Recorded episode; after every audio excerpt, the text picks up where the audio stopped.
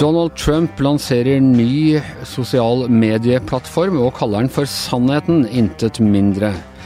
NRK superserie skremmer vannet av unga, og fårikål er en nasjonal delikatesse eller ihjelkokt kjøtt med kål. Dette er Gjæverøyengen, det er torsdag den 21. oktober.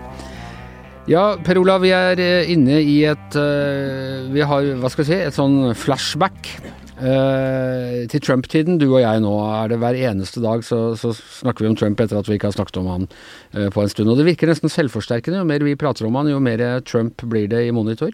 Ja, du sa tidligere i uken at vi nok ville få anledning til å komme tilbake til en gang i fremtiden, men nå er vi der hver dag. Nå er vi i fremtiden nå, rett og slett. Ja, Back to the future. Ja. Uh, og ja, greia er i hvert fall altså at Trump, som da altså ble kasta ut fra både Twitter og Facebook etter å ha oppfordret mer eller mindre, eller ja, bidratt til at en mobb stormet Kongressen under sanksjoneringen av valgresultatet i januar. så har han lenge truet med at han skulle starte sitt eget sosiale nettverk. Og nå blir det sagt at nå, er, nå er, det, er, det, klart til å lanseres, eller er det bare at planene er lansert, eller hvordan er det? Uh, jo, det er, det er, eh, for så vidt lansert, det er ikke tatt helt i bruk ennå. Man skal visst da prøve det ut på en mindre gruppe i november, og så skal det bli åpnet for allmennheten fra utpå nyåret. Den sannhetskanalen. Ja. Og det er en sånn Twitter-aktig plattform hvor man da, eller Facebook, at man Du minner visst veldig på Twitter, sier de som har sett det der, sånne korte meldinger og, og den type ja, og ja. Eh, det, er jo, eh, det er jo en plan som han lenge har hatt. Eh, han mener jo at det er en kamp mot big tech, dette her, fra hans side. Altså mot de store internettselskapene som Facebook og andre. Og Eh, han hadde jo prøvd seg med denne egne hjemmesiden, altså en lage en blogg der, men det fikk jo veldig dårlig med lesertall nå på vårparten, så det stengte han jo ned etter bare 29 dager, for det var liten respons, da.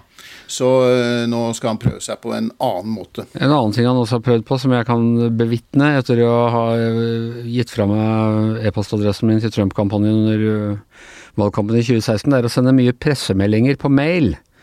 Altså På det verste har jeg hatt 20 pressemeldinger fra, fra Donald Trump eh, i løpet av et døgn, og det er også Altså noe litt annet enn å få det på sosiale medier. Og uh, kampen mot de store tech-selskapene, det er jo for så vidt bra at noen uh, tar opp, er det ikke det? Jo da, og det er jo, vi har jo nettopp uh, vært Vi har hatt varslere som har stått fram mot Facebook, det har vært høringer i Kongressen, og det er jo riktig å si at denne kritikken mot Facebook og de andre selskapene kommer jo egentlig fra både høyre- og venstresiden i amerikansk politikk.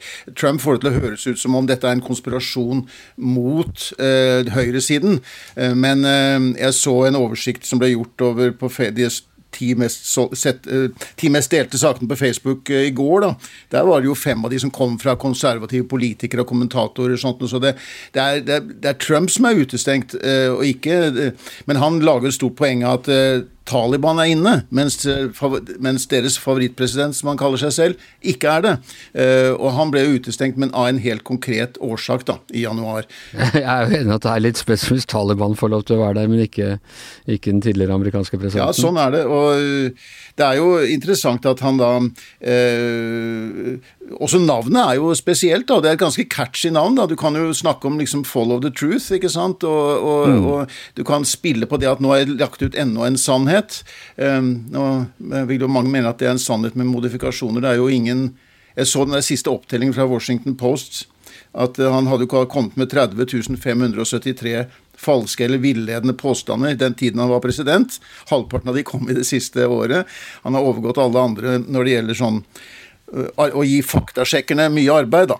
Eh, men dette er jo selvfølgelig hans eh, terminologi falske nyheter. Ja, ja, og sånne rekorder er til for å brytes. Hans Petter Sjøli, du var tidlig ute på Facebook i sin tid, og, og til å bruke det og sånn. Vil du være like tidlig ute på Truth? Uh, ja, på samme måte som jeg var tidlig ute på Clubhouse, vil jeg tro. Uh, ja, ja. ja Underskog. Ja, nei, altså Ja, jeg husker Clubhouse. Det var en sånn snakke-sosial medium. Vi ble lansert litt i fjor her, og det skulle bli det nye store som skulle omkalfatre hele internett, men det, ja. det, døde ganske fort. Uh, og det er vel en viss fare for at eh, Trumps sannhetskanal også kan lide litt samme skjebne som Trumps universitet og andre Trump-påfunn. Ja.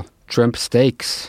De biffene han drev og solgte en stund. Ja, det er det, men samtidig, det er jo øh, Hvis han klarer å dra med seg hele den der uh, velgermassen sin, eller deler av denne velgermassen sin, så, så, er det jo et marked der, er det ikke? Jo, det kan godt være det, men det er, er på følelsen at det er litt vanskelig å starte sånne nye ting. Nå, altså, Facebook har liksom Eh, skal vi si, altså, nærmest trengt igjennom med alle samfunnene. Og, og, og, det har jo vært stadig sånne, sånne, forsøk på å starte nye ting som liksom skal ta over, og sånne, men det har, det har jo stranda alt sammen. Så, Her i Skipsted eh, har vi opprettet og nedlagt diverse forsøk. Eh, for ja, Nettby, var det ikke noe som het? det? Nettby var det noe som het. Mm, ja. ja. det er flere andre. Eh, men altså, hvis, hvis eh, hele Trump-skaren og folk som kan tenke seg å stemme på Trump, går over til AirSop, da snakker vi jo ganske store, store mengder. Da. Så det, ja, blir jo spennende å se. Men eh, jeg har ja, litt troa på at det er i endene som Trump-biffen og Trump-skolen og den slags påfunn at det kanskje blir litt fiasko. Men ja, vi får se. Tiden får vise.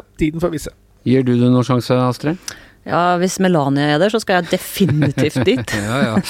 ja, Melania, er hun noe morsom på, så har hun vært noe morsom på sosiale medier? Uh, nei, men hun er den mest fascinerende av dem alle, så jeg er opptatt av Melania. Har du hørt stemmen hennes? Ja, så vidt. Så hun, kan sier, hun høres ut som hun er sånn Hun høres ut som hun er med i, i en sånn Indiana Jones-film, som sånn uh, østeuropeisk vitenskapskvinne. Soon the ark will be ours. Også en ganske skingrende Nei, men eh, jeg, jeg, tror at det her kan bli en suksess, fordi det var jo slik um, når han var, da han var på Twitter, at vi satt jo obsessa på det greiene der og fulgte med. Vi var jo nysgjerrig, da. For det Første jeg gjorde når jeg våkna om morgenen, var å sjekke tweetene fra Trump. Eh, han er jo et veldig stabilt geni òg. Sånn det er han også. Ja. Og en stabil tweeter. Eh, Per Olav, det er vel en del av hele den politiske strategien hans det der, å gjøre, prøve å gjøre et slags comeback i sosiale medier? Ja, altså han hadde jo hvis vi snakket om 88 millioner følgere på Twitter, som var hans favorittkanal. Eh, hvis han eh, skal gjøre alvor av å stille som kandidat igjen eh, om tre år, eh, hvilket jeg tror han har planer om, så, så, trenger han på en måte en plattform. Og ingen vet når han blir ønsket velkommen tilbake i de mer etablerte plattformene. Eh, så men jeg må jo si at det navnet Truth eh, Social det fikk meg til å tenke på Sannhetsministeriet fra 19, i boka 1984 og George Orwell, altså dette med omskrivning av virkeligheten. Og, du må også huske denne russiske avisen som eh, jo het Pravda, betydde også sannheten. Så det er, eh, ja det er et navn som forplikter. Den tyske demokratiske republikk var alt annet enn demokratisk. Sånn er det. sånn er Det Det, det blir spennende å følge med. og, og han, Det trenger jo for så vidt ikke å bli noe svær suksess i seg selv. For det er klart at alle vi, alle vi andre i vanlige mediene vil jo selvfølgelig viderebringe hva han uh, truther der ute på Truth-nettverket sitt. Så, så uh, det er nok en god strategi uh, uansett. Dette er noe av det verste jeg kommer til å gjøre. 5000 liter med bæsj! Vi skal snakke om noe helt annet. Uh, en stund siden jeg fulgte med på, på barne-TV på NRK, men uh, nå fortalte du på morgenmøtet her om dagen Astrid, at uh, du har en uh, seks-sjuåring som, som, følger med, og som rett og slett var blitt litt opprørt og engstelig av å se på selveste barne-TV. Og det var ikke Pompel og Pilt som hadde skremt ham denne gangen. Ja, det var et program på NRK Super som heter 'Ikke gjør dette mot klimaet'. Eh, nå tror jeg ikke sønnen min ble så skremt. Han syntes det var ganske kul katastrofefilm han satt og så på. Mens, han liker jo heavy rock også, så Ja, og det var, det var, skikkelig flom, og det var action og kjempemye vind, og det var store jordras, og de bada i bæsj. Men mora ble kanskje litt mer Jeg tenker, verden de driver og snakker om på den TV-skjermen hans? Så gikk jeg og sjekka er det her noe for han. Er det er det, er det, noe for litt større barn? Men det var altså aldersgrense seks år. Katastrofefilm om hva som skjer Eh, hvis vi ikke eh, slutter å slippe ut eh, klimagasser, og eh, hvis ikke sønnen min slutter å spise hamburger, hvis ikke han slutter å fly og slutter å kjøpe seg plastleker fra Kina. Men eh, er det ikke, altså vi sier jo hele tiden at vi må gjøre disse tingene og redde klimaet for unga våre. Er det ikke rimelig at unga også informeres om hvilke farer som truer? Jo, det syns jeg absolutt. Og de tåler jo å høre eh, at, global oppvarming, og at vi bør uh, gjøre det vi kan for klimaet. Og gjerne høre at uh, de kan spise mindre rødt kjøtt for den del. Men det var noe med eh, de ville overdrivelsene som gjorde meg litt bekymra, og, og koblinga, den direkte koblinga til det han, seksåringen, gjør. Jeg et hamburger, jeg tror jeg satt og åt hamburger den dagen. Jeg sto og laga middag der, jeg oppmerksom på den serien, og så var det ikke spise hamburger, ikke kjøpe noen flere leker. Da blir det jordras, campingvogna blir knust, du må klatre opp på toppetasjen av huset ditt, for det blir så stor oversvømmelse at, eh, at, det, at det blir ødelagt, og det blir monstervind, og du må altså bade i bæsj. Ja, Bade i bæsj òg, ja. Ja. Er noe, det er litt sånn Greta Thunberg-barne-TV, dette her, rett og slett. Eh, de sier jo at det er overdrivelser sjøl, og det er eksperiment som de gjør for å vise hva som i verste fall kan skje hvis vi ikke stopper den globale oppvarminga. Men eh, jeg, tror, jeg tror det var De tok litt hardt i det der med å bade i bæsj, f.eks. Det, det, det logikken der var at eh, hvis vi ikke slutter å fly, så blir det så høy øh, klimaoppvarming, og da kan det bli flom, og da kan kloakksystemet da i Norge gå lekk, og så kan det hende at vi må bade i bæsj i framtida. Ja, det er det vel ingen barn som vil, og enda færre voksne, vil jeg tro. Eh, dette programmet er innklaget 36 ganger til eh, Kringkastingsrådet ifølge eh, kampanje, og en av klagerne skriver at dette er et direkte angrep på barns psykiske helse, og kommer derfor inn under kategorien kriminelle handlinger som med hensikt påfører barn psykisk vold. Jeg føler at det er litt dramatikk på begge sider av denne, denne konflikten. Ja, jeg har ikke tenkt å anmelde det programmet til politiet eller For gjort psykisk vold mot barn. Nei, nei, det får være måte på. De bør jo gjerne lage det programmet, og det er artig. Men, men, eh, men jeg syns kanskje det er litt dårlig gjort å gi seksåringene skylda for det som vi har eh, stått for da, i vår generasjon og tidligere. Vi har visst om den globale oppvarminga lenge, og, og kobler det så direkte til at seksåringer må forandre eh, oppførselen sin, og det syns jeg også er litt dårlig gjort. Jeg syns at vi voksne skal liksom ta ansvaret der, og eh, de må få lov til å ete hamburger eh, uten å få problemer med å sove om natta. Det er for stort ansvar å pålegge dem. Og dessuten så mener jeg det er politikerne og teknologien og sånn som må gjøre noe med, med det kjempestore klimaproblemet. Det er liksom ikke hvert enkeltmenneske. Det er jo mange uenige i. Det Noen som mener at, det, eh, at det er liksom opp til hvert enkelt menneske, men jeg tror vi trenger noen overordna løsninger. Hans Petter Sjøli, eh, kommentator, debattredaktør og småbarnsfar. Hva, har du sett på dette programmet, eller? Eh, Nei, jeg har bare sett traileren. Jeg så den derre kloakksekvensen her. det var nok til at det klarte jeg bare ikke å se på mer. Eh, Ja, for de gjorde det også. De bada i bæsj. Jepp. Det, det var, og sånt er jeg veldig var på, for å si det sånn. Men, det- men det er jo ikke småbarnsfar lenger, vet du. De er begynner å bli så store igjen, minst, minst er ti år, og han ser jo bare på, bare på YouTube. Så der eh, NRK Super jeg har, tror jeg faktisk er litt fasa ut i hans, eh, hans mediale konsumsjon. Ja, Per Olav, du og jeg vi vokste jo opp med frykten for atombomben og, beskjed om eh, hvor vi skulle løpe til tilfluktsrom og eh, Det ble jo også, jeg vet ikke, jeg tror liksom barne-TV, særlig utover 70-tallet, hadde en del om kalde krigen og, skremselspropaganda og sånn. Er ikke dette en lang og ærerik tradisjon for, for NRK? Skremme barna med unga med Skremme unga med realpolitiske utfordringer? Jo, det er kanskje det. Eh, Jeg husker også det. Vi visste i hvert fall hvor tilfluktsrommene lå. Eh, Det gjør jeg ikke nå lenger. Eh, Men eh, jeg tenker at eh, også dette med klima, og som Astrid også er inne på, dette er jo, et, dette er jo varsler og ting vi har hørt Faktisk, jeg husker fra 70-tallet hvor det var oppe på agendaen. og Jeg slår meg at det, jeg tenker at vi kanskje, vi voksne, skulle ha handlet litt før, så ikke denne omstillingen som vi nå er nødt til å foreta, blir såpass brå og vanskelig som den er. Eh, vi, har, vi har fått disse varslene en stund, både i barne-TV og andre steder. Hans Petter? Ja, altså det, det er annen ting som jo en slags propaganda i barne-TV før i tida. Altså det var jo de, alle de utallige østeuropeiske seriene som ble sendt på NRK. Eh, Jon Blund og den slags der. Det var en slags sånn fredsbudskap på den andre sida av muren og andre sida av jernteppet. Eh, sett i ettertid så er det kanskje litt eh, ja, eh, småproblematiske ting som, som skjulte seg bak de der hyggelige dokkeseriene fra Tsjekkoslovakia og, og Øst-Tyskland og der omkring òg. Ja, det var fordi NRK dro på mye sånne TV-festivaler i Øst-Europa og kjøpte inn uh, dukkefilmer en gros.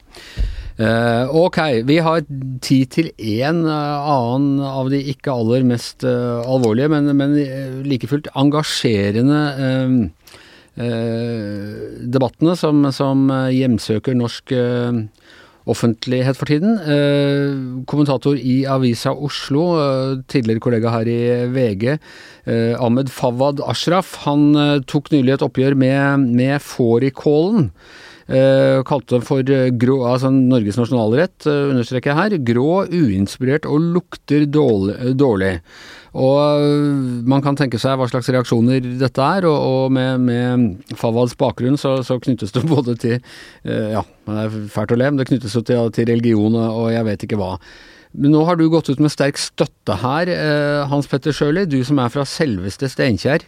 og og sier at du syns fårikål er, er vondt og helt forferdelig. Er du en selvhatende trønder, eller hva er problemet ditt? Du vet at jeg elsker jo sodd, da. Så, så det selvhatergreiene her, det, det, tror jeg bare ikke stemmer. altså.